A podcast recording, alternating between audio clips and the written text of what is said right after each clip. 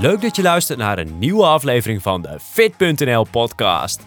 In deze show gaan we in gesprek met topsporters, wetenschappers en experts, zodat jij het maximale uit je leefstijl kunt halen. Ik ben je host van vandaag, Jeroen van der Mark, onderzoeker, coach en schrijver van Fit.nl. Vandaag een belangrijk vraagstuk. Hoe kan het dat de een makkelijk slank blijft terwijl de ander kilo's aankomt? Waar zit hem dit verschil in?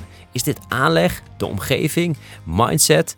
En wat is de rol van medicatie en beweging bij een afslankpoging? Je hoort de antwoorden in deze aflevering met een gast die er alles van af weet, namelijk Liesbeth van Rossum. Liesbeth is internist, endocrinoloog en hoogleraar op het gebied van obesitas en stressonderzoek in het Erasmus MC in Rotterdam. En ze is medeoprichter van het Centrum Gezond Gewicht en bekleedt diverse bestuursfuncties, waaronder het voorzitterschap van het Partnerschap Overgewicht Nederland. Oftewel de ideale persoon die meer weet over de oorzaken van overgewicht en obesitas. Laten we gelijk van start gaan. Liesbeth, welkom in de show en bedankt voor je tijd. Ja, hartelijk dank. Ja, super uh, mooi uh, dat we het over overgewicht, obesitas, hormonale werking en uh, de toekomst en de aanpak van overgewicht en obesitas. Ik heb heel veel zin in dit gesprek. Um, ik weet dat je heel druk bent met allerlei onderzoek, dus ja, super bedankt voor je tijd. Laten we gelijk starten met een interessante vraag. Welke, welk inzicht heb jij over overgewicht en obesitas waar je twintig jaar geleden heel anders over dacht dan nu?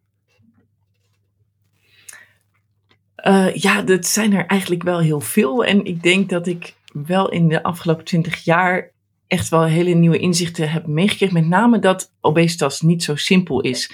Um, en um, ja, we denken heel vaak van, goh, um, iemand heeft obesitas, dus ernstig overgewicht.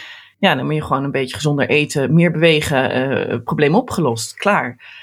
Um, mm -hmm. Maar er blijkt toch wel heel veel dat het uh, dat, dat niet zo simpel is. En dat, het, uh, dat heeft te maken met dat er heel veel meer oorzaken dan alleen ongezonde leefstijl zijn. Waarbij leefstijl natuurlijk wel voorop staat, maar soms hele andere factoren meespelen die, die ook het gewicht omhoog houden. En stel dat het wel een leefstijl uh, gerelateerde obesitas is, dan blijkt dat afvallen ook moeilijk, omdat het lichaam een beetje geherprogrammeerd is. Dus aan die beide kanten heb ik heel veel over geleerd, eigenlijk vanuit de wetenschap. Ik moet zeggen dat dat me eigenlijk ook wel uh, als arts dreef om, om, om ik dacht, ja, die patiëntenzorg moet heel anders. We moeten veel meer maatwerk leveren, kijken wat er aan de hand is, behandeling op maat af, afstemmen. Um, en wetenschappelijk is het natuurlijk ook heel erg interessant dat het niet zo simpel is, want dan valt er veel te onderzoeken. Hmm. Als ik zelf van mezelf een inzicht wat ik vroeger had, was ik best wel veroordelend. Dat ik zei van ja, uh, mensen met uh, overgewicht of obesitas zijn gewoon lui. En naarmate van de afgelopen tien jaar ik me daar veel meer in ben gaan verdiepen, merk ik dat er heel veel oorzakelijke dingen zijn. Um, had jij bijvoorbeeld zo'n gedachte ook vroeger? Nou, ik denk dat het een on, onbewust fenomeen is wat vrijwel bij iedereen optreedt. En zeker ook bij dokters. -hmm. We weten dat het stigma enorm is in de gezondheidszorg. Dat mensen ook anders benaderd worden. En dat heeft toch vaak -hmm. ook wel met zo'n beeldvorming van... ja, je bent toch zwak van karakter of dat soort dingen. En, -hmm. en dat nu ik juist die kennis veel meer heb, raakt dat me ook. Dat ik ook denk, en ik hoor natuurlijk die verhalen uit de spreekkamer. En ik zie mensen die echt totaal andere factoren hebben... die überhaupt hebben gezorgd dat ze obesitas ontwikkelden... Dan yeah. um, natuurlijk ongezonde leefstijl heel erg belangrijk. Um, maar soms ook bijvoorbeeld dan eet iemand gezond, maar gewoon ook um, uh, drinkt toch te veel alcohol erbij. Of uh, eet op de verkeerde tijdstippen, s'avonds laat. Of, uh, uh, of je ziet mentale factoren erbij spelen. Dat iemand bijvoorbeeld vroeger um, een psychotrauma heeft gehad. Of seksueel misbruik of een depressie. Yeah. of, of, of een binge-eating disorder. Dus het kan mentaal ook zijn. Je hebt ook um, best veel mensen die medicatie gebruiken, die een gewichtsverhogende werking hebben. En dan zie je iemand echt enorm best doen, bijvoorbeeld met leefstijl. Maar het, het heeft heel weinig effect, omdat allerlei medicatie-effecten dat effect dan weer tegenhouden. Um, yeah. Dan zie je soms de hormonen die, die, die dwars zitten. Hè? Dat mensen bijvoorbeeld, uh, vrouwen die na de zwangerschap hun kilo's vasthouden. Of um, uh, dat, dat een, een schildklier traag werkt. Of nou ja, en dan heb je nog zeldzame oorzaken. Die zie ik natuurlijk op de spreekuur. Juist mensen met echt een schade aan je regelcentrum in je hersenen. Waar je, gericht, je gewicht wordt gereguleerd. Of dat mensen een, echt een, een genafwijking hebben. Waardoor ze van, van kinds af aan al obesitas hebben. En een razende honger hebben.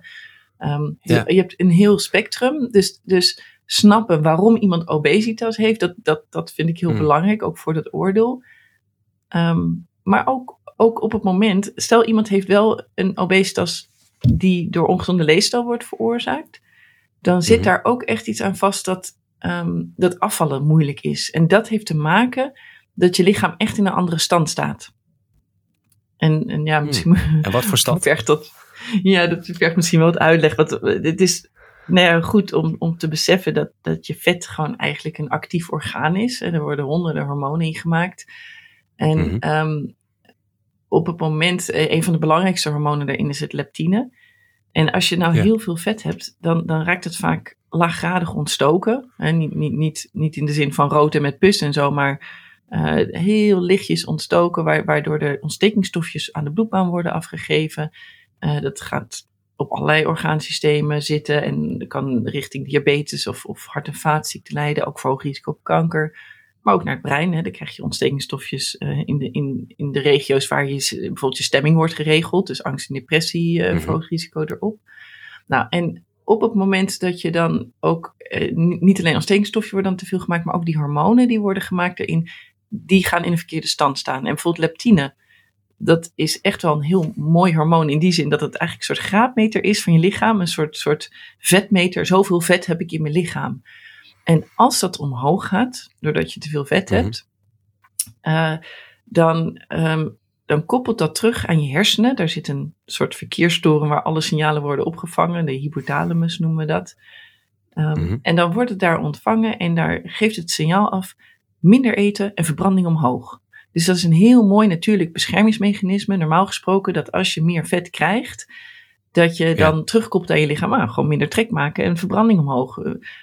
Punt is alleen dat als je door een bepaalde kritische grens gaat en eh, je hebt echt heel veel kilo's te veel, door wat voor oorzaak dan ook, leefstijl, eh, medicijnen, noem maar op, en je hebt echt te veel, heel veel te vet, veel vet, dan doet dat signaal het niet meer.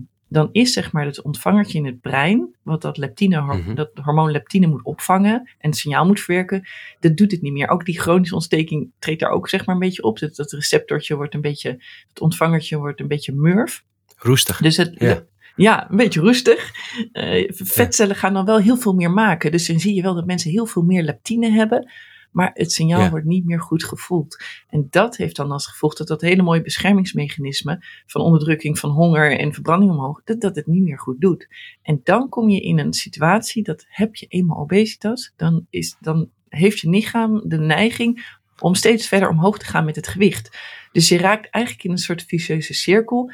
En dat maakt het Mhm. ook heel erg lastig om af te vallen. Het kan wel, maar mensen moeten wel beseffen dat je eigenlijk tegenwind hebt. En dat is heel oneerlijk, want je moet dus heel veel meer moeite doen dan iemand die bijvoorbeeld een paar pondjes te veel heeft. En die gaat ook afvallen. En hé, hey, dan lukt het meteen. Hè? Dan ga je even inderdaad meer bewegen en gezonder eten. En vloep, die paar pondjes zijn er weer af. Dat is echt een andere Mhm. toestand dan als er al obesitas is. En dat hele signaleringssysteem, dat leptine en al die andere vethormonen, die doen het gewoon niet meer goed.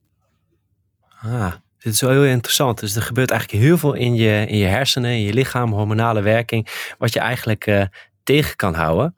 Als je een schatting zou moeten maken, ik weet dat, dat wetenschappers altijd heel erg genuanceerd zijn, maar om een toch een proberend cijfer te ontlokken, als je een schatting zou moeten geven over de hoeveelheid die bijvoorbeeld een hormonale werking qua aanleg van invloed is op eh, de kans van ontwikkeling van overgewicht en obesitas. Wat voor cijfers zou je daaraan koppelen van tussen 0 en 100? Ja, er zitten twee kanten aan. Kijk, ik, ik wil je best een cijfer geven. Hè. Als we kijken naar echt voelt de, de genetica. Hè, de, hoe is onze genetische aanleg tot hebben van overgewicht? eh, of überhaupt het gewicht wordt 40 tot 60 procent eigenlijk bepaald vanuit onze genen. Als je kijkt naar de buikomvang, dus waar gaat dat vet dan zitten? Is het zelfs 70 procent is erfelijk bepaald. En dat is best wel belangrijk om te beseffen. Omdat, kijk, van lengte vindt iedereen het heel normaal. Twee lange ouders en dan wordt het kind lang. Maar het gewicht, als je ook naar de tweelingenstudies kijkt van vroeger, is ook heel sterk genetisch bepaald. Ehm, wil niet zeggen dat je er dan vervolgens niks aan kan doen, want het is maar de helft wat genetisch eigenlijk bepaald is. De rest eh, gaat door omgevingsfactoren. En de crux zit natuurlijk in de combinatie van die twee dingen. Het betekent dat ook sommige mensen, eh, op dit moment heeft in Nederland de helft van de mensen heeft overgewicht. Terwijl veel meer dan de helft van de mensen niet gezond eet en onvoldoende beweegt. Dus dan weet je eigenlijk ook al dat een deel van de mensen genetisch een beetje beschermd is tegen overgewicht. Dat zijn die mazzelaars die toch uh, ongezond eten, maar toch niet overgewicht ontwikkelen. Super oneerlijk. En andere mensen die gaan toch veel makkelijker uh, gewicht aanmaken. Nou, een deel van wat er in de genen zit, dat regelt natuurlijk van alles, maar ook dat vethormoonsysteem en je hongerhormonen en allemaal dat soort regulatiesystemen zit natuurlijk ook in die genen opgeslagen. Hoe staat die afstelling? Ben je heel gevoelig voor die signaleringssystemen? Doen die het heel goed? Of zijn die van nature al een beetje moeilijker dat ze, dat ze het doen? Dat zit natuurlijk ook allemaal in die genen. Ja, ja super interessant. Een mooie metafoor is uh, uh, als je een pistool hebt en eigenlijk is die uh, geladen en de omgeving die maakt jou als het ware dat je het pistool laat uh, uh, overgaan. Terwijl iedereen eigenlijk een bepaalde genetische potentie heeft. Bijvoorbeeld in het pistool om het genes pull the trigger. Dat is de bekende theorie. En ja. uh, dat sommige mensen gewoon vanuit nature iets meer een geladen pistool hebben. En dat als bijvoorbeeld iemand ze uit de omgeving een bepaalde negatieve cue geeft, is dat ze toch eerder overgaan tot eetgedrag dan de ander die dat uh, mogelijk net wat minder heeft. Dus daar moeten we echt heel erg van bewust zijn dat de omgeving ja, heel erg jouw gedrag uh, beïnvloedt en wel of niet jouw genetische potentie um, tot uiting laat komen. Nou, dat is precies wat het, wat het is. Kijk, je bent dus inderdaad genetisch geladen met een bepaalde aanleg. En vervolgens komt die omgeving eroverheen. En je kan je echt voorstellen dat als mensen bijvoorbeeld uh, een hongerhormoonsysteem hebben wat afgesteld staat dat ze veel hongeriger zijn dan een ander van nature. Of dat ze, de een krijgt na 20 minuten een verzadigingsgevoel en de ander krijgt dat pas na 40 minuten of na twee uur. Je kan je voorstellen als je niet tijdens het eten of na het eten direct daarna een verzadigingsgevoel krijgt, dat je dus veel makkelijker bord nummer 2 en 3 leeg eet, want je hebt gewoon nog honger. Nou, als je dan vervolgens blootstaat aan een omgeving die vol staat, die jou echt verleidt tot ongezond eten, en dat is absoluut op dit moment zo, als we kijken natuurlijk naar de supermarkt, 80% van de producten valt niet in de richtlijn goede voeding. En ook 80% ja. van de hele marketing is, is, promoot geen goede voeding. Dus je wordt enorm gestimuleerd ongezond te eten. Nou, als jij makkelijker meer honger hebt, dan ben je veel gevoeliger voor dat soort triggers. Dus dan, je eet makkelijker door. Het is overigens ja. ook zo als je het dan hebben over die hongerhormonen, dat, die worden niet alleen, hè, dat, dat leptine is een vethormoon, dat bepaalt dus ook voor een deel uh, uh, sturing op eetlust. Maar nog belangrijker zijn die darmhormonen, die uiteindelijk zorgen dat je stopt met eten. Want je stopt eigenlijk met eten niet zozeer omdat je maag vol is, maar omdat op een gegeven moment die darmhormonen worden aangemaakt die een verzadigingsgevoel geven. Maar wat, wat is nu de laatste tijd enorm aan de hand, is dat die verzadigingshormonen vaak verstoord raken. Bijvoorbeeld doordat we heel veel bewerkt voedsel eten. Ultra bewerkt voedsel, heel veel wat we in de supermarkt mm -hmm. zien. Um, dat geeft een verstoring van die verzadigingshormonen. En mensen kennen dat misschien ook wel, dat als ze bijvoorbeeld naar een, een fastfoodketen gaat en je gaat even flink snacken, dat je een uur later eigenlijk alweer honger hebt. Dat die verzadiging eigenlijk helemaal niet zo goed optreedt. En als je gewoon iets, een volkoren product neemt of met veel groenten, dan blijft dat verzadigingssignaal veel langer hangen. En je kan eigenlijk je eigen verzadigingssysteem verstoren door heel vaak bewerkt voedsel te eten. Nou, heb je daarbij ook nog een keer een aanleg tot een moeilijke verzadiging. Hè? Dat is voor een deel ook dus mm -hmm. uh, genetisch bepaald hoe je hormonen zijn afgesteld ja, dan heb je met die combinatie heb je inderdaad dat pistool met een trigger, wat, wat, wat zorgt dat je vervolgens in gewicht enorm gaat aankomen. Ja, het is eigenlijk heel oneerlijk, hè? Het is, uh, soms wordt wel eens gezegd, sommige mensen kunnen alles eten.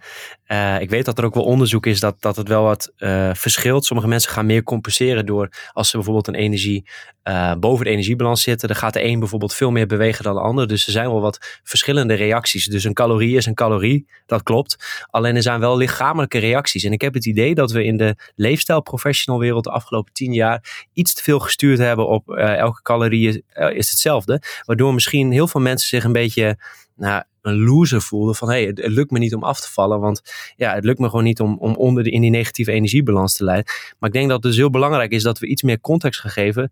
En dat daar ook meer empathie vrijkomt voor de doelgroep die het echt gewoon heel lastig heeft. Nou, dit is echt ook een heel raak punt. Want dit is ook precies wat, je ook, wat ik ook heel erg in mijn spreekkamer zie. Mensen die echt enorm worden veroordeeld erop. En echt schrijnende verhalen. Dat voelt, was een vrouw die dan... Uh, ja, die, die was enorm de best aan het doen. Had een heel ingewikkelde vorm van obesitas. Was enorm met een leesprogramma bezig. En die, nou ja, die was echt roomse dan de pauze qua, qua lezen. En ze viel eigenlijk heel mooi ja. af. Uh, stapje voor stapje. Moeizaam, maar het, het ging. Mm -hmm. En ze deed echt haar best in een groepsprogramma. En haar dochter had op een gegeven moment, die, die werd 18 en die had zo'n uh, zo'n feestje gegeven. En ze had als uitzondering had ze een keer dat ze dan chips had gekocht in de supermarkt en die zakken in de kar gedaan. En dat gewoon iemand achter er staat en die zegt, nou mevrouw, u moet niet elke dag chips eten. En die haalde die zakken chips Oh. weer zo uit die kar en legde het terug in het rek. Wow. Terwijl zij zo bezig was ermee in. ehm, de, niet alleen mensen veroordelen zichzelf er heel erg op, maar ook de omgeving. Mensen met obesitas durven soms eh, helemaal niet meer een keer een ijsje in het openbaar te eten. Terwijl een keer een ijsje eten, daar is niet zoveel mis mee. Dat, maar je mag best een keer een Ja. ijsje eten. Maar die zullen dat niet doen. Gewoon voor wat je allemaal naar je hoofd geslingerd krijgt. Van, van, van alsof je de hele dag alleen maar ijsjes eet en daardoor te dik bent geworden. Terwijl er Ja. ook, ook ja, er is zoveel van invloed op waardoor dat zo komt. En het is gewoon echt niet makkelijk om af te vallen. En ik denk ook dat dokters zich dat onvoldoende realiseren. Die geven heel makkelijk advies van nou, u moet, eh, u moet op dieet. Terwijl, ja, Ja. obesitas los je niet op met een kuurtje. Dat is niet een kuurtje. Er zijn, daar heb je hele behandelingen voor en interventies als je echt obesitas hebt. Ehm, en dat is, daar moet je natuurlijk gewoon langdurig mee aan de slag en, en, en gewoontes veranderen. Maar een dieet is Ja. niet effectief daarvoor op de lange termijn. En dan zie je wel Ja. dat mensen zichzelf ook veroordelen. Hè, dat als ze dat gaan doen, we weten ook dat als je bijvoorbeeld een crash dieet gaat doen hè, van 800 of 500 kilocalorieën, dat je dan, eh nee, dan zal je echt wel afvallen in de eerste periode, dat weten we. Um, maar als je daarna niet overgaat naar een gezonde leefstijl, maar gewoon dat als kuurtje neemt, dan zien we ook Mhm. uit onderzoeken dat die hele hongerhormonen die gaan omhoog, de verzadigingshormonen gaan omlaag. Dus dan weet je Ja. dat je gewoon meer trek krijgt. Plus je stofwisseling gaat omlaag, je verbranding. Dus de, de combinatie van meer honger en verbranding omlaag, dat zorgt dat uiteindelijk dat je eh, na dat kuurtje weer aankomt. En vaak ook nog hoger dan je begingewicht. Nou, en mensen voelen dan zelf karakterzwakte van ja, ik heb het niet volgehouden. Ja. Nou, dan ga ik het volgende dieet maar weer proberen. En dieet na dieet. En uiteindelijk kan dat tot verdere gewichtstoename eh, leiden. En dat je gewoon je systeem eigenlijk beschadigt. Dus dat, dat is. En toch zie ik in de zorg dat dat wel heel vaak op die manier nog eh, geadviseerd wordt. Of dat mensen daar zelf mee aan de slag gaan. En dat is zo niet de bedoeling bij obesitas. Ja, ik, eh, dit is heel mooi. Dit is een prachtig voorbeeld. Ik, wij geven, we hebben op de achterkant van ons boek, hebben, we, eh, zo uit mijn hoofd, hebben staan 83% van de mensen valt terug als ze een poging doen. En waarschijnlijk ook met dit boek. En eh, als ik dat vertel ook aan mensen die bij ons een intake doen voor coaching, dan zeg ik ook van ja, eh, waarschijnlijk eh, lukt dat deze keer ook niet. We gaan je zo goed mogelijk proberen te helpen. Maar dit zijn de redenen waarom dat vorige keer waarschijnlijk ook niet gelukt is. En ik merk dat als je dat aan mensen vertelt, van dat ongeveer 10 tot 15 procent van je initiële gewicht realistisch is om gewicht te verliezen. Dus dan moet je van 100, 100 kilo en dat je dan bewijst van naar, nou een keer naar, naar 90 gaat. Dat is al hartstikke mooi als je dat duurzaam kunt blijven eh, behouden. En dan na vijf jaar. Dat er zo'n soort van eh, druk van iemand afgaat. Zeg, oh daarom lukt het me niet om naar die 70 kilo, wat eigenlijk mijn doel was. En dat mensen dan ook meer zelfcompassie hebben, empathie naar zichzelf. En dat dat eigenlijk een belangrijk element is, dat we iets meer die cijfers gaan communiceren. Dus uh, ja, zie je dat ook terug in de, in de spreekkamer, dat, dat als je dat vertelt, dat er meer zelfcompassie naar voren komt. Ja, nou, dit is zelf een les die ik ook wel heb moeten leren. Want dan hebben we het, nu hebben we het dan niet meer over crash diëten, maar dan hebben we het over gewoon een gezonde ja. leefstijl. Hè? Denk aan bijvoorbeeld een van de gecombineerde leefstijlinterventies. Er zijn verschillende vormen, groepsprogramma's, individuele programma's. Ja. En um, nou, in het Erasmus MC hebben we ook zo'n soort programma. Dat is dan de Plus-programma, zeg maar, met cognitieve gedragstherapie mm. erbij. Dat uh, maar hele kleine groepjes die we daarmee kunnen behandelen. Maar dat doen we wel al jarenlang met een fysiotherapeut, een dieet, uh, diëtist en een uh, psycholoog. En um, de, de, het doel daarvan is inderdaad dat je gewoon langdurige uh, gedragsverandering krijgt. Dus helemaal niet een dieet, gewoon gezonde eetgewoontes, maar goed uh, implementeren in je leven, gewoontes aanleren, stressreductie, mm-hmm. slapen, alles, uh, gewoon het hele leven, zeg maar. En dan mm-hmm. is het echt inderdaad, dat deed ik te weinig, moet ik zeggen, in de eerste jaren. Uh, ik merkte achteraf dat, dat soms um, mensen vielen dan, als je kijkt wetenschappelijk, nou mooi, we vallen meer dan 5% af. Ze vallen zelfs 10% in vet af met behoud van spiermassa. Nou, dan zie je allemaal mooie uh, bloedwaarden die opknappen. Hè? De, de prediabetes of de hoge bloeddruk verdwijnen. Depressiescores knappen op. En toch hebben mensen nog het idee, blijkbaar van tevoren soms gehad, dat je een slanke dender mee wordt. En dat is inderdaad ja. niet zo. Maar dat, en dus dat communiceer ik nu ook vaker vooraf, dat hè, de, de afgelopen jaren. Waardoor die teleurstelling dan, dan, dan mensen eigenlijk heel blij zijn, want ze voelen zich wel degelijk fijner. En ze weten nu ook beter dat als stel je zou niet eens een gram afvallen, maar je gaat wel zo'n ja. leefstijlinterventie in, dat het aanzienlijk ja. gezondheidswinst toch nog steeds fysiek en mentaal is. Dat, um, Ja, ten eerste gaat het natuurlijk om lichaamssamenstelling, niet om gewicht verliezen. Je wil mm. niet gewicht verliezen, je wil vet verliezen. Um, en spier, spieren wegen ook nog meer dan vet. Dus als mensen in spier toenemen, dan is dat eigenlijk ook alleen maar gunstig. Ehm, maar het is, het is ten eerste heel moeizaam om echt op een heel uh, slank gewicht of een, een, een, weer als je echt obesitas hebt te komen. En het hoeft ook niet altijd. Je kan echt stukken gezonder worden. Uh, en er zijn eventueel, als mensen echt willen, aanvullende mogelijkheden nog.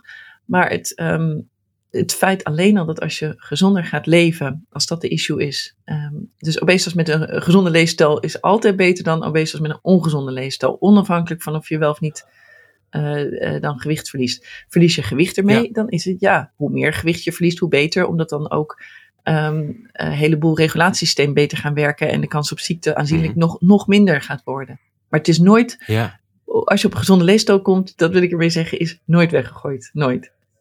Ja, ja. Ja, en ik denk dat wat wij altijd doen, proberen mensen op processen in te zetten. Dus dat je het proces van, van leefstijlverandering leuk gaat vinden. En juist die procesdoelen als doel gaat stellen en niet die gewichtsdoelen. Nou, dat hoor ik ook steeds meer terug bij diëtisten, dus dat is heel mooi. Voordat we verder gaan met de show, wil jij meer leren over krachttraining en sportvoeding? Het optimale uit je training en leefstijl halen? Aan de slag met effectieve trainingsschema's? Start dan met Fit Premium. Ga naar fit.nl/slash start of check de show notes voor de link naar de Fit Premium ledenomgeving. Hierin leggen we je stap voor stap uit hoe je het maximale uit je training en voeding haalt. Met complete cursussen en schema's gebaseerd op de laatste wetenschappelijke inzichten. We gaan onder andere uitgebreid in op alles dat jij moet weten en je vindt de beste trainingsschema's met meer dan 100 opties voor zowel thuis als in de sportschool. Plus een uitgebreide community met advies van een team van professionals. Ben je benieuwd? Ga naar fit.nl/slash start en start vandaag nog. Of ga naar de show notes voor de link. Nu terug naar de aflevering. Ik wil even een, een, zijpad bewandelen. Um, als we armoede en de armoedeval helemaal uh, zouden kunnen bestrijden. Zou dat de beste oplossing zijn om overgewicht en obesitas te bestrijden? Of uh, ja, eigenlijk te bestrijden en in plaats van bijvoorbeeld te inrichten op kennis of medicatie? Ik denk um, dat het niet de oplossing is, maar ik denk wel dat het een van de puzzelstukken is die heel belangrijk is in die hele grote puzzel van, van obesitas. Want er moet er ongelooflijk veel mhm. gebeuren en als ze echt de epidemie willen oplossen, dan moeten we alle puzzelstukken leggen. En je noemt nu een hele belangrijke categorie, dat er uh, mensen die, die soms uh, stress hebben, bijvoorbeeld door financiële schulden. En, um, mm-hmm. en als je dat niet meepakt en niet mee oplost, dat je, dat je dan eigenlijk heel ineffectief soms bezig bent. Um, ik merk dit ook in de spreekkamer, dat als je soms, uh, we, we, zien natuurlijk heel vaak dat mensen, um, die komen dan bijvoorbeeld met hoge bloeddruk. En dan geef je een hoge bloeddrukmiddel en het werkt niet. Dan geef je middel 2 erbij, werkt weer niet. Mm. Terwijl de onderliggende stress door bijvoorbeeld die armoede of schulden of niet rond te kunnen komen, die wordt helemaal niet mee aangepakt. Um, ik moet wel zeggen dat we daar nu, zijn we wel landelijk bezig met een heel nieuw concept. Met ook, ook uh, vanuit mm. de ziekenhuis, maar ook vanuit de huisartspraktijken. Dat noemen we de netwerkaanpak overgewicht. En mm -hmm. dan wordt er eerst gekeken bij een individu ja, die bijvoorbeeld bij een huisarts is of bij een ziekenhuis. In een ziekenhuis noemen we dat een leefstijlzorgloket. En dan kan je als medisch specialist bijvoorbeeld, iemand komt voor een bepaalde ziekte. Oh, of, en dan zegt, nou, er is ook overgewicht. Van, vindt u het goed dat we het daar ook even over hebben? Zou u bijvoorbeeld aan uw, uw leefstijl iets willen doen? Ja, oké. dan kan mhm. iemand naar die coördinator. Die brengt alle leefstijlfactoren in kaart. Maar ook die sociale factoren. En dan wordt diegene toegeleid in de eigen omgeving naar bijvoorbeeld, mm ja, als er inderdaad schulden zijn, naar een schuldhulpverleningsinstantie. Of als er uh, iemand moet, eet bijvoorbeeld wel gezond, maar moet uh, veel meer bewegen. Nou, dan wordt gekeken, is er een, een goede, een, een, een um, iets qua sportfaciliteit of een buurtwandelcoach of iets waar iemand mm langdurig bij uh, weer aan het bewegen wordt gebracht op een manier die bij de persoon past. Gewoon dat het leuk is, in de buurt is en voor de rest van het leven eigenlijk. Hè, dat het een gewoonte wordt. Dus er wordt echt mm maatwerk geleverd en op die manier proberen we ook gezonde leefstijl als onderdeel van de zorg te maken. En wat we zien is dat je heel regelmatig bijvoorbeeld allerlei geneesmiddelen gewoon kan afbouwen of zelfs stoppen, omdat je het vervangt door mhm. leefstijl. En zeker geldt dat voor middelen die bijvoorbeeld bepaalde antidepressiva of hoge bloeddrukmiddelen of diabetesmiddelen of uh, corticosteroïden, mhm. die vaak niet eens meer nodig zijn op het moment dat je het vervangt door leefstijl. En ze geven ook de wind mee, want dat soort middelen geven heel vaak juist gewichtsverhoging. En dan behandel je mhm. vaak maar één aandoening mee. Bijvoorbeeld als je insuline geeft, dan leuk voor de suiker, die wordt onder controle gehouden. En een aantal gevolgen daarvan natuurlijk ook. Tegelijkertijd Mhm. is uh, veel insuline geeft gewichtstoename. Dus de rest van het lichaam raakt in een toestand die steeds meer in gewicht omhoog gaat. Nou, op het moment dat je Mhm. intensieve leefstijl inzet en de insuline direct mee naar beneden zet, en dat moet wel onder begeleiding van een arts, want dat moeten mensen natuurlijk niet zelf zomaar gaan rommelen met medicatie. Maar dan heb je ineens de wind mee. En dan zien we dat soms mensen helemaal geen insuline meer nodig hebben. En dan heb je uh, niet alleen voor die ene ziekte, die bijvoorbeeld die type 2 diabetes, uh, geda goed gedaan. Maar je voorkomt op de lange termijn meteen honderden andere ziekten die anders toch een paar jaar later alsnog opgetreden waren als je alleen maar die suikers had behandeld. Ja, dus dit is echt een nieuw, nieuw, concept uh, eigenlijk. Die leefstijlzorgloket in de ziekenhuizen gaan steeds meer ziekenhuizen. Ja. Het is echt in de kinderschoenen nog hoor. Er gaan steeds meer ziekenhuizen dat opzetten. Dat netwerk uitbouwen. Waar zitten al die mensen? Waar vinden we die schuldhulpverlening? Um, die netwerkaanpak. Dus heb je zelf daar ideeën of, of, of heb je uh, vast, faciliteiten met gemeenten van uh, ideeën over ja. zo'n netwerken? Um, mm -hmm. hè, waar mensen heen toegeleid kunnen worden, glieaanbieders, noem maar op.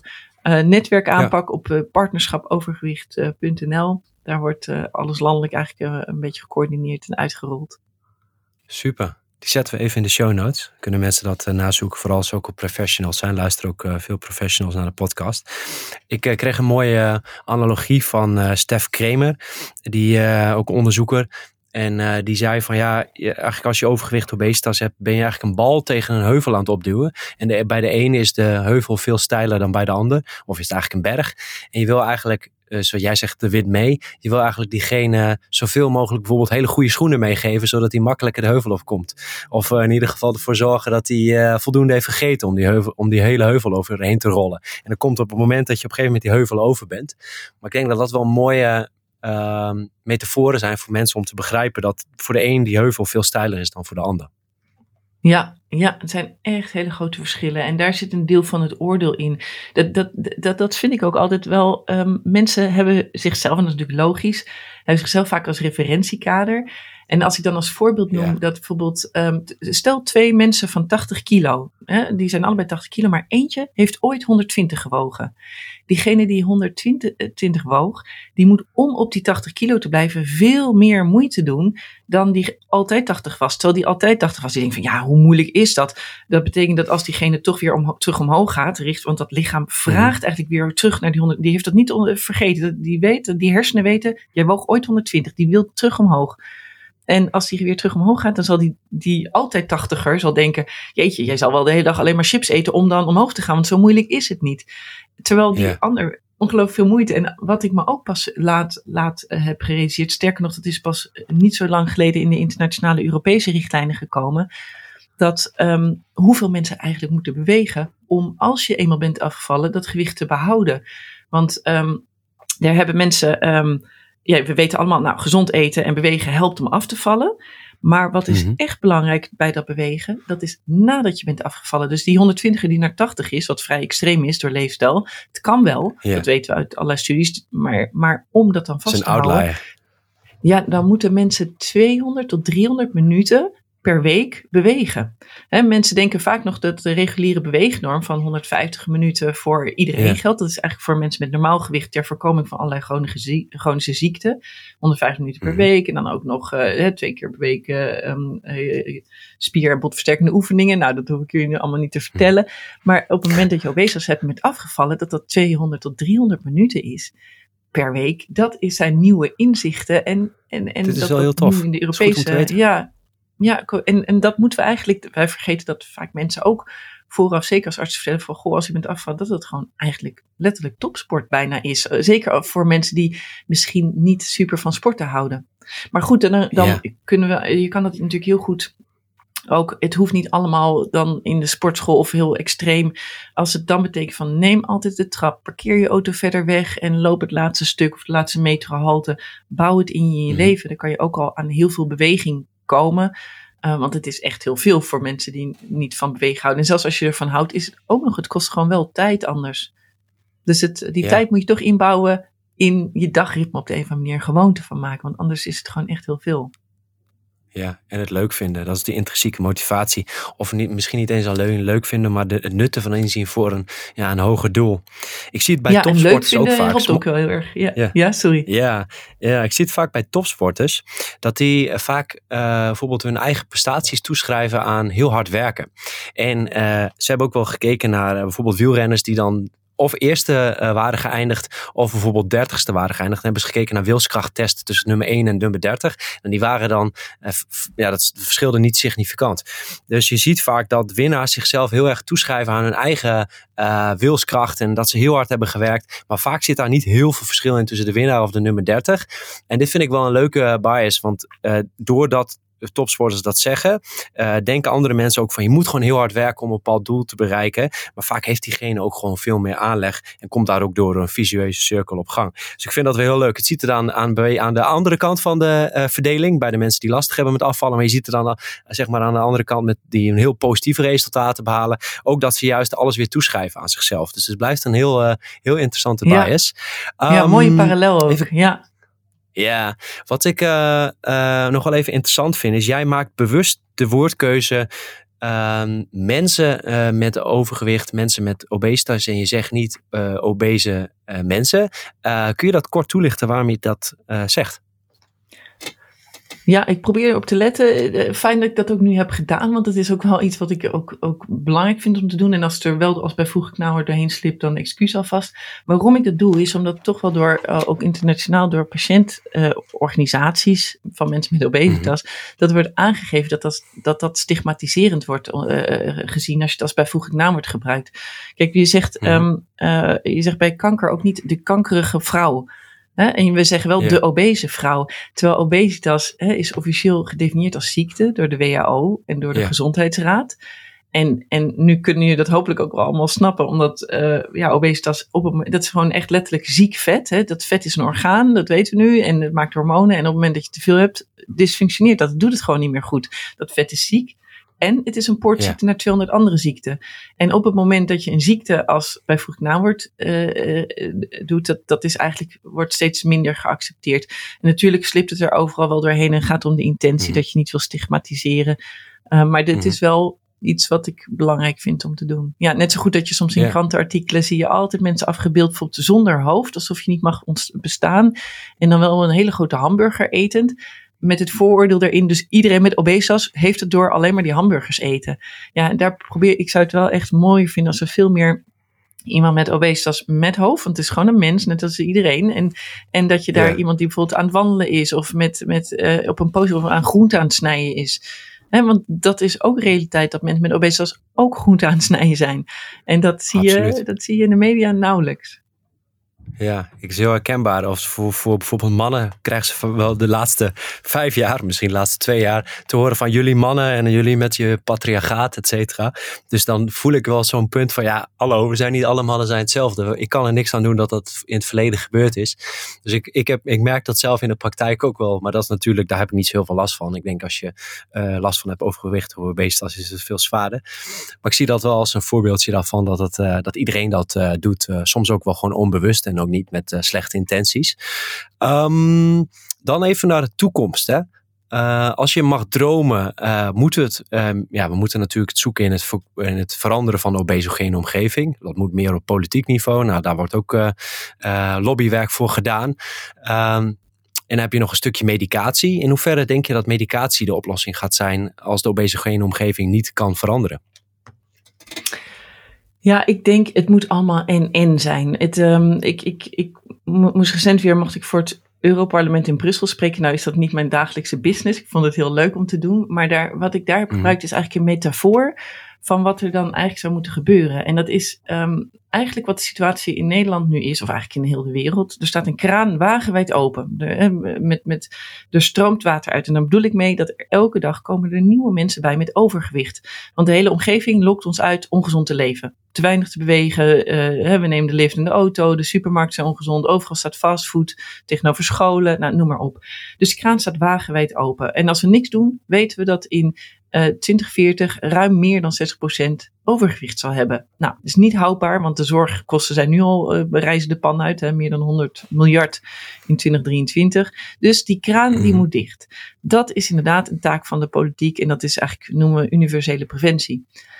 Maar dan nog, stel die kraan staat dicht, het bad is al vol. Op dit moment heeft de helft van de volwassenen heeft wel overgewicht. En 14% zelfs ernstig overgewicht, obesitas. En daar ligt een taak van de zorgverleners en ook van het individu. Want je hebt natuurlijk ook een individuele verantwoordelijkheid. Maar ook in de zorg. Je Mhm. moet bespreekbaar maken en de juiste therapieën allemaal eh, mensen heen toeleiden. En eh, pas als je dat bad leegmaakt en de kraan dichtzet, dan pas los je het op. Ga je alleen die kraan, eh, laat je, zet je alleen die kraan dicht, perfect gezonde supermarkten, iedereen eet gezond, beweegt Mhm. voldoende, dan zullen de mensen met obesitas, door wat we in het begin bespraken, doordat dat regelmechanisme kapot is, niet vanzelf afvallen. Het is nog steeds wel goed en ze zullen misschien een beetje Ja. afvallen, maar ze zullen niet op een, op een eh, zonder obesitas eh, door het leven gaan. Daar moet je echt Ja. behandeling voor doen. Maar het is natuurlijk ook weer onzin om alleen maar dat bad leeg te laten lopen en alleen maar obesitasbehandelingen, zoals je nu noemt, bijvoorbeeld, hè, eh, bijvoorbeeld een glie, een medicatie of een operatie te doen, terwijl die kraan Ja. nog wagenwijd open staat. Dus ja, ik maak me hard voor beide. Als dokter kan ik vooral hard roepen. En ik heb ook mee ondertekend met het Nationaal Preventieakkoord namens het Partnerschap Mhm. Overgewicht Nederland. Dat is een grote koepelorganisatie van allemaal organisaties Ja. die betrokken zijn bij obesitatszorg. Dus eh, ja, die kraan moet dicht. Tegelijkertijd moeten we ook ehm, de bad leeg laten lopen en dus echt behandelen. Ja, en daar komt dan Ja. de plaats van eh, medicatie die je noemt. Eh, we hadden het over de GLI en dat staat voor gecombineerde leesterinterventie. Dat is altijd een combinatie van eh, voeding, beweging en gedragsverandering. En nou, bekend zijn bijvoorbeeld de GLI-programma's. Er zijn er nu vijf RIVM erkend van. Zit ook in het basispakket. Maar je hebt ook individuele vormen. En, en in wezen als iemand bijvoorbeeld heel veel met voeding al gezond is en er gaat bewegen en gedragsveranderen, dan is dat bij elkaar ook een GLI eigenlijk. Dus, maar dat is de basis. Daar begint het mee. Als de leefstijl niet op orde is, de, de leefstijl op orde. Maar stel dat eh, iemand heeft ernstig overgewicht nog steeds en valt helemaal, helemaal niet af ermee of te weinig. Nou, dat Mhm. is de plek waar dan eh, medicatie komt. Er zijn er dit jaar ook weer twee van in het basispakket gekomen. Volgend jaar komt daar een Mhm. derde bij. En dan zie je dat dat een mooie aanvulling kan zijn. Dat mensen nog extra gewicht afnemen. En, ehm en sommigen heel veel, sommigen een beetje en sommigen niet. Er zijn ook wel wat Ja. bijwerkingen. Vaak in de eerste weken zien we dan wat maag-darm bijwerkingen. Eh, bij sommigen, ja, bij de meeste trekt dat weer weg, maar niet bij iedereen. Dus dan moet je het soms weer stoppen. Maar als het wel werkt, we gaan eigenlijk alleen door bij de mensen bij wie het effectief is. Eh, Een proefperiode is het effectief. Hè, valt iemand 5% of meer af, dan ga je door. En dan zie je dus soms wel dat ehm, eh, ja, mensen echt mooi kunnen afvallen. En ook wat het vooral ook doet, is eigenlijk chemisch ondersteunen om op een gezonde leefstijl te komen. De, je ziet Mhm. eh, met name mensen die bijvoorbeeld zo'n sterk verstoord hongergevoel hebben, die echt nou ja, pas een uur later een verzadigingsgevoel krijgen. En die hun aandacht Ja. de hele dag eigenlijk een beetje op eten hebben van, oh mag ik alweer lunchen? Oh nee, ik moet nog even eigenlijk wachten, maar ik wil eigenlijk lunchen. En die zijn gevoelig voor al die snacks die ze om zich heen zien. Als je dan chemisch eetlusremming krijgt, het, het werkt breder hoor dan alleen eetlusremming, maar het is wel een van de Mhm. effecten. Ehm, eh, ook op je hedonisch systeem eentje van die middelen. Hè, dat je op je, je beloningsgevoel wat je soms krijgt door, door, door bijvoorbeeld chocolade te eten. Dat wordt afgeremd. Mhm. Dus als je behoefte gewoon minder wordt, dan kan je wel makkelijker gezonde voedselkeuzes maken. En ik zie wel dat dat bij sommige mensen heel veel rust in het leven kan brengen. Dat ze zeggen, nou, ik, ik, ik leef nu gewoon makkelijker. Ik kan makkelijker gezonde voedselkeuzes maken. En ehm, dat helpt ze eigenlijk. En, en ja, wat we ook nieuw als inzicht hebben, is dat we in de praktijk ook soms zien dat mensen die echt al een gezonde leefstijl hebben en dat lukt, dat ze Mhm. ook nog baat kunnen hebben bij die medicijnen om toch een volgende stap in gewichtsdaling te zetten. Ehm, Ja. Dus ja, het is wel veelbelovend wat er ook aankomt. Hè, wat we dan, dan zien wat er in de toekomst komt. Dus ik zie het vooral als een Ja. hulpmiddel. Het is, de basis blijft altijd leefstijl. Ja, en bij heel ernstig overgewicht kan ook natuurlijk soms een operatie eh, levensreddend zijn. Hè? Om- Omdat je natuurlijk bij de BMI, BMI extreem hoog is. Dan is het wachten natuurlijk totdat er een hartinfarct of kanker of wat dan ook ontstaat. En ehm, dan moet je dan niet pas gaan behandelen. Je kan beter de obesitas zelf behandelen.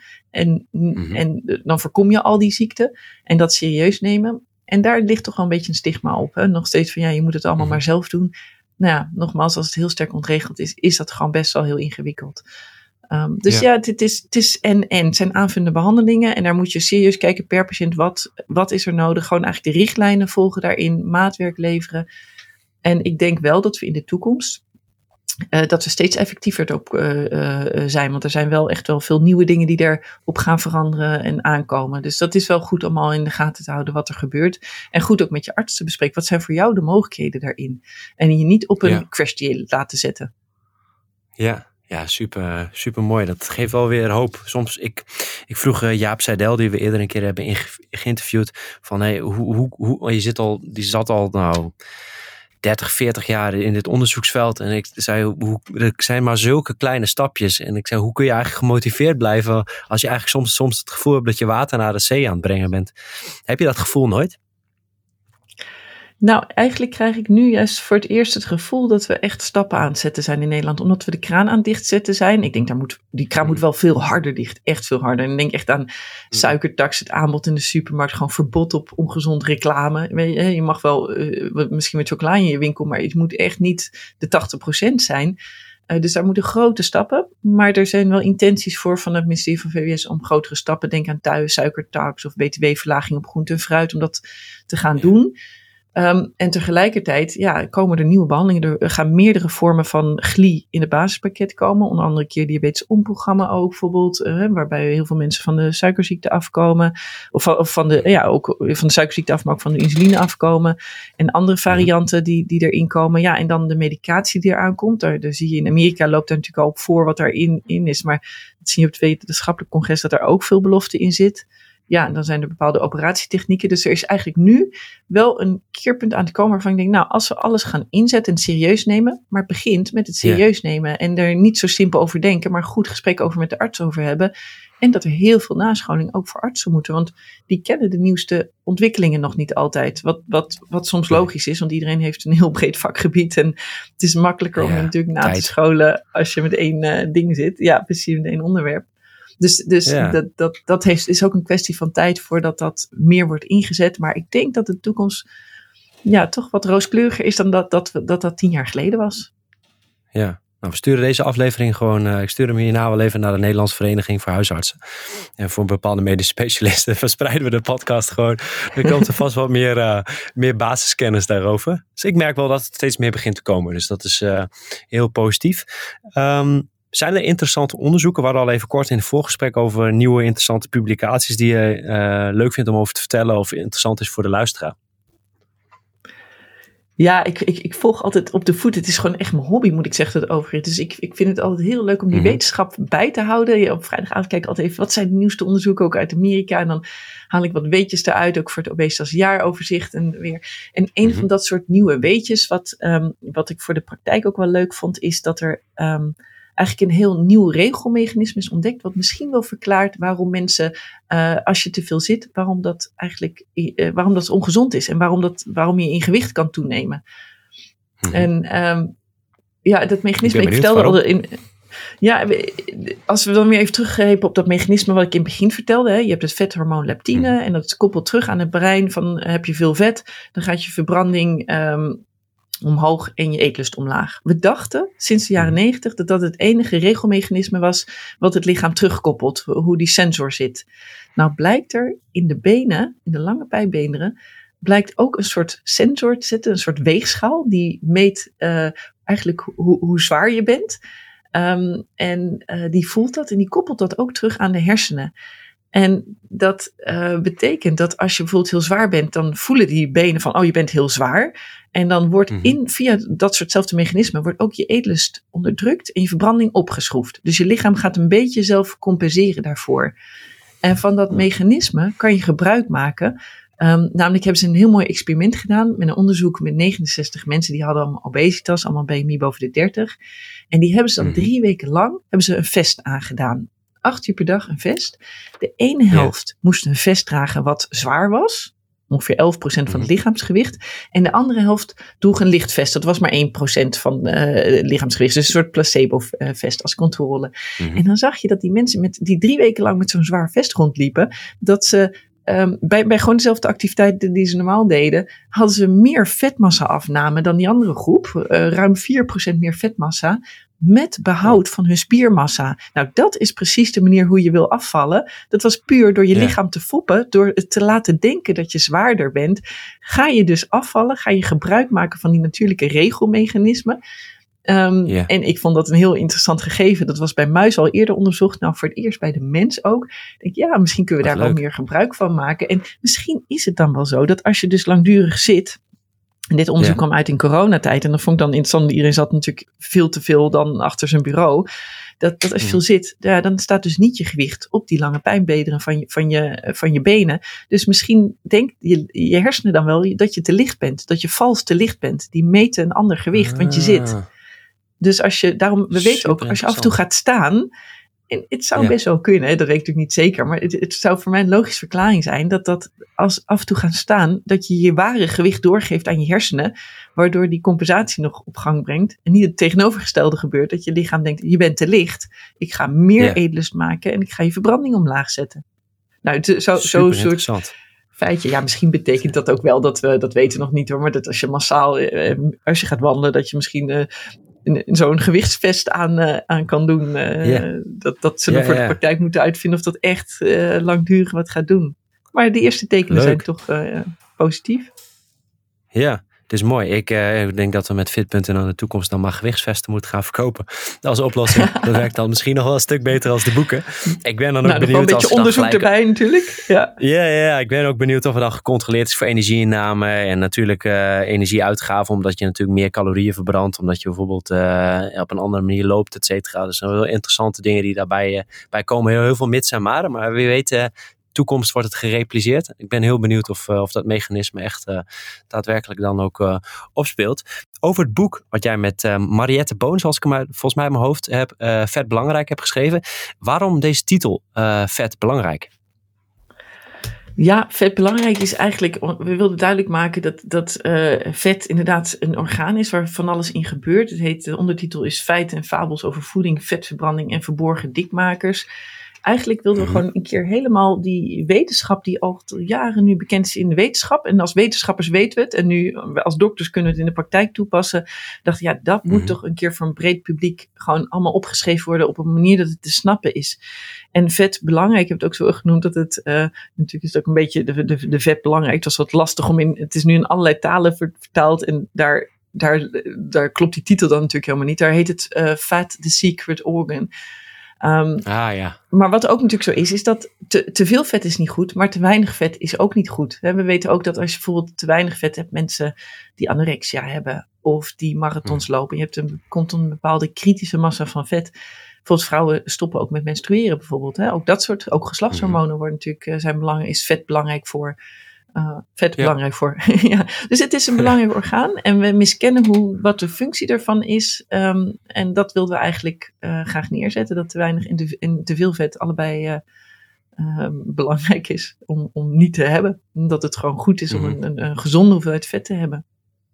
Ja, ik eh, kan dit heel erg onderschrijven. Want ik, ik ga vaak in periodes, uh, omdat ik wat meer gericht ben op krachttraining en spiermassa, dat ik in periodes dan weer wat zwaarder ben en dan vetpercentage stijgt. Maar ik heb ook afgelopen zomer, was mijn vetpercentage nou onder de 10%, 7, 8. En dan ga je merken dat, dat je iets eerder vermoeid bent. Bijvoorbeeld je libido, je energie wat afneemt. Dus inderdaad, wat, wat je beschrijft, uh, te laag is zeker ook niet goed. En je lichaam zoekt ook naar de homeostase en dat verschilt dan ook weer per persoon. Um, ja, klopt. Om de podcast af te sluiten. Als je de luisteraar één tip zou mogen geven hè, voor een leefstijlverbetering, welke tip uh, zou dat zijn? Dat mag een hele simpele zijn of een hele ingewikkelde. Ik ben benieuwd. Um, fitopjouwmanier.nl ook. Dat is eigenlijk van het, um, het sluit aan, denk ik heel mooi aan bij fit.nl. Daar staan natuurlijk ook allemaal mooie tips wat jullie allemaal uitdragen. En mhm. dit is een website waar een heleboel ludieke tips staan die bij je kunnen passen. Die gemaakt zijn in coronatijd door Voedingscentrum, mm Kenniscentrum Sport en Beweging, Partnerschap Overgewicht Nederland en, en, en een heleboel partijen die samen hele simpele tips, uh, zoals ga mm standen poetsen op één been. Um, en um, dat kosten nou allemaal dingen die eigenlijk maar geen tijd kosten, maar gewoontes kunnen zijn. En dat je met hele kleine stapjes, en ook dat je een keer eh, neem een muesli in plaats van krusli, dat soort kleine gewoontes veranderen. Dat je daar voor de lange termijn al echt heel veel um, mee kan bereiken. Dus het gaat echt om gewoontes veranderen. Ik denk waar, waar, waar Fit.nl natuurlijk ook uh, heel erg mee bezig is. Het gaat niet om, om, om snelle dingetjes, het gaat om gewoonteveranderingen, mm. het leuk vinden. Um, ja, dit is niet één tip, maar uh, nou ja, misschien wel. Van waar kan je het ook nog meer vinden? Als ik je zit op de website te kijken. praktische ik zit tips nu eh, live even te kijken. En het is echt een leuke. Zit dus op de jouwmanier.nl. Nee, ja, ik Ja? zet, hem in de show notes voor de luisteraar. Nou, die URL is, is makkelijk. Maar eh, ik krijg nu neem een appel als je trek hebt. En dan kun je zeggen, dit wil ik, dit wil ik doen. Of ik wil een andere. En nu krijg ik, als je moe bent, ga naar bed toe. Dus dat zijn hele leuke, simpele tips. Gewoon goede reminders, zelfs voor professionals. Dat je denkt van ja, dat is eh, kort en krachtig. dus ik denk dat het heel leuk is om daarmee eh, af te sluiten. Ik vond nu de tips niet de hoge wiskunde die je nou net noemde, maar er zitten er ook e- echt wel verrassende tussen. Want dit, als je moe bent gaan naar bed, Ja. is natuurlijk ook, nou ja. Even Ja, kijken, ik ga nog het, eentje eh, doen. Doe, eh, doe mee met Nederland in beweging. Nou, dat is een hele mooie. Dat ga ik eens een keer proberen. Ehm, ja, eh, ik wil je heel erg bedanken, Lisbeth, voor, voor alle, informatie, voor je tijd. En eh, ja, bedankt voor, ja, voor vandaag. Leuk dat je hebt geluisterd naar deze aflevering. Wil je meer informatie? Bekijk de show notes voor alle linkjes naar artikelen en besproken boeken. En voordat je de show uitzet, nog even twee huishoudelijke dingen. We zouden het super leuk vinden als je een review achterlaat via iTunes. Steun de show door een geschreven tekstrecensie achter te laten via iTunes of een review met sterren via Spotify. En vind je deze aflevering waardevol? Deel hem dan met familie en vrienden via WhatsApp of via andere social media. Zo kunnen wij nog meer mensen in Nederland helpen met tips om hun leefstijl en gezondheid te verbeteren. Als je dit hebt gedaan, super bedankt hiervoor namens het hele team. We zijn hier heel dankbaar voor. Dit was hem voor vandaag. Thanks voor het luisteren en tot bij de volgende aflevering.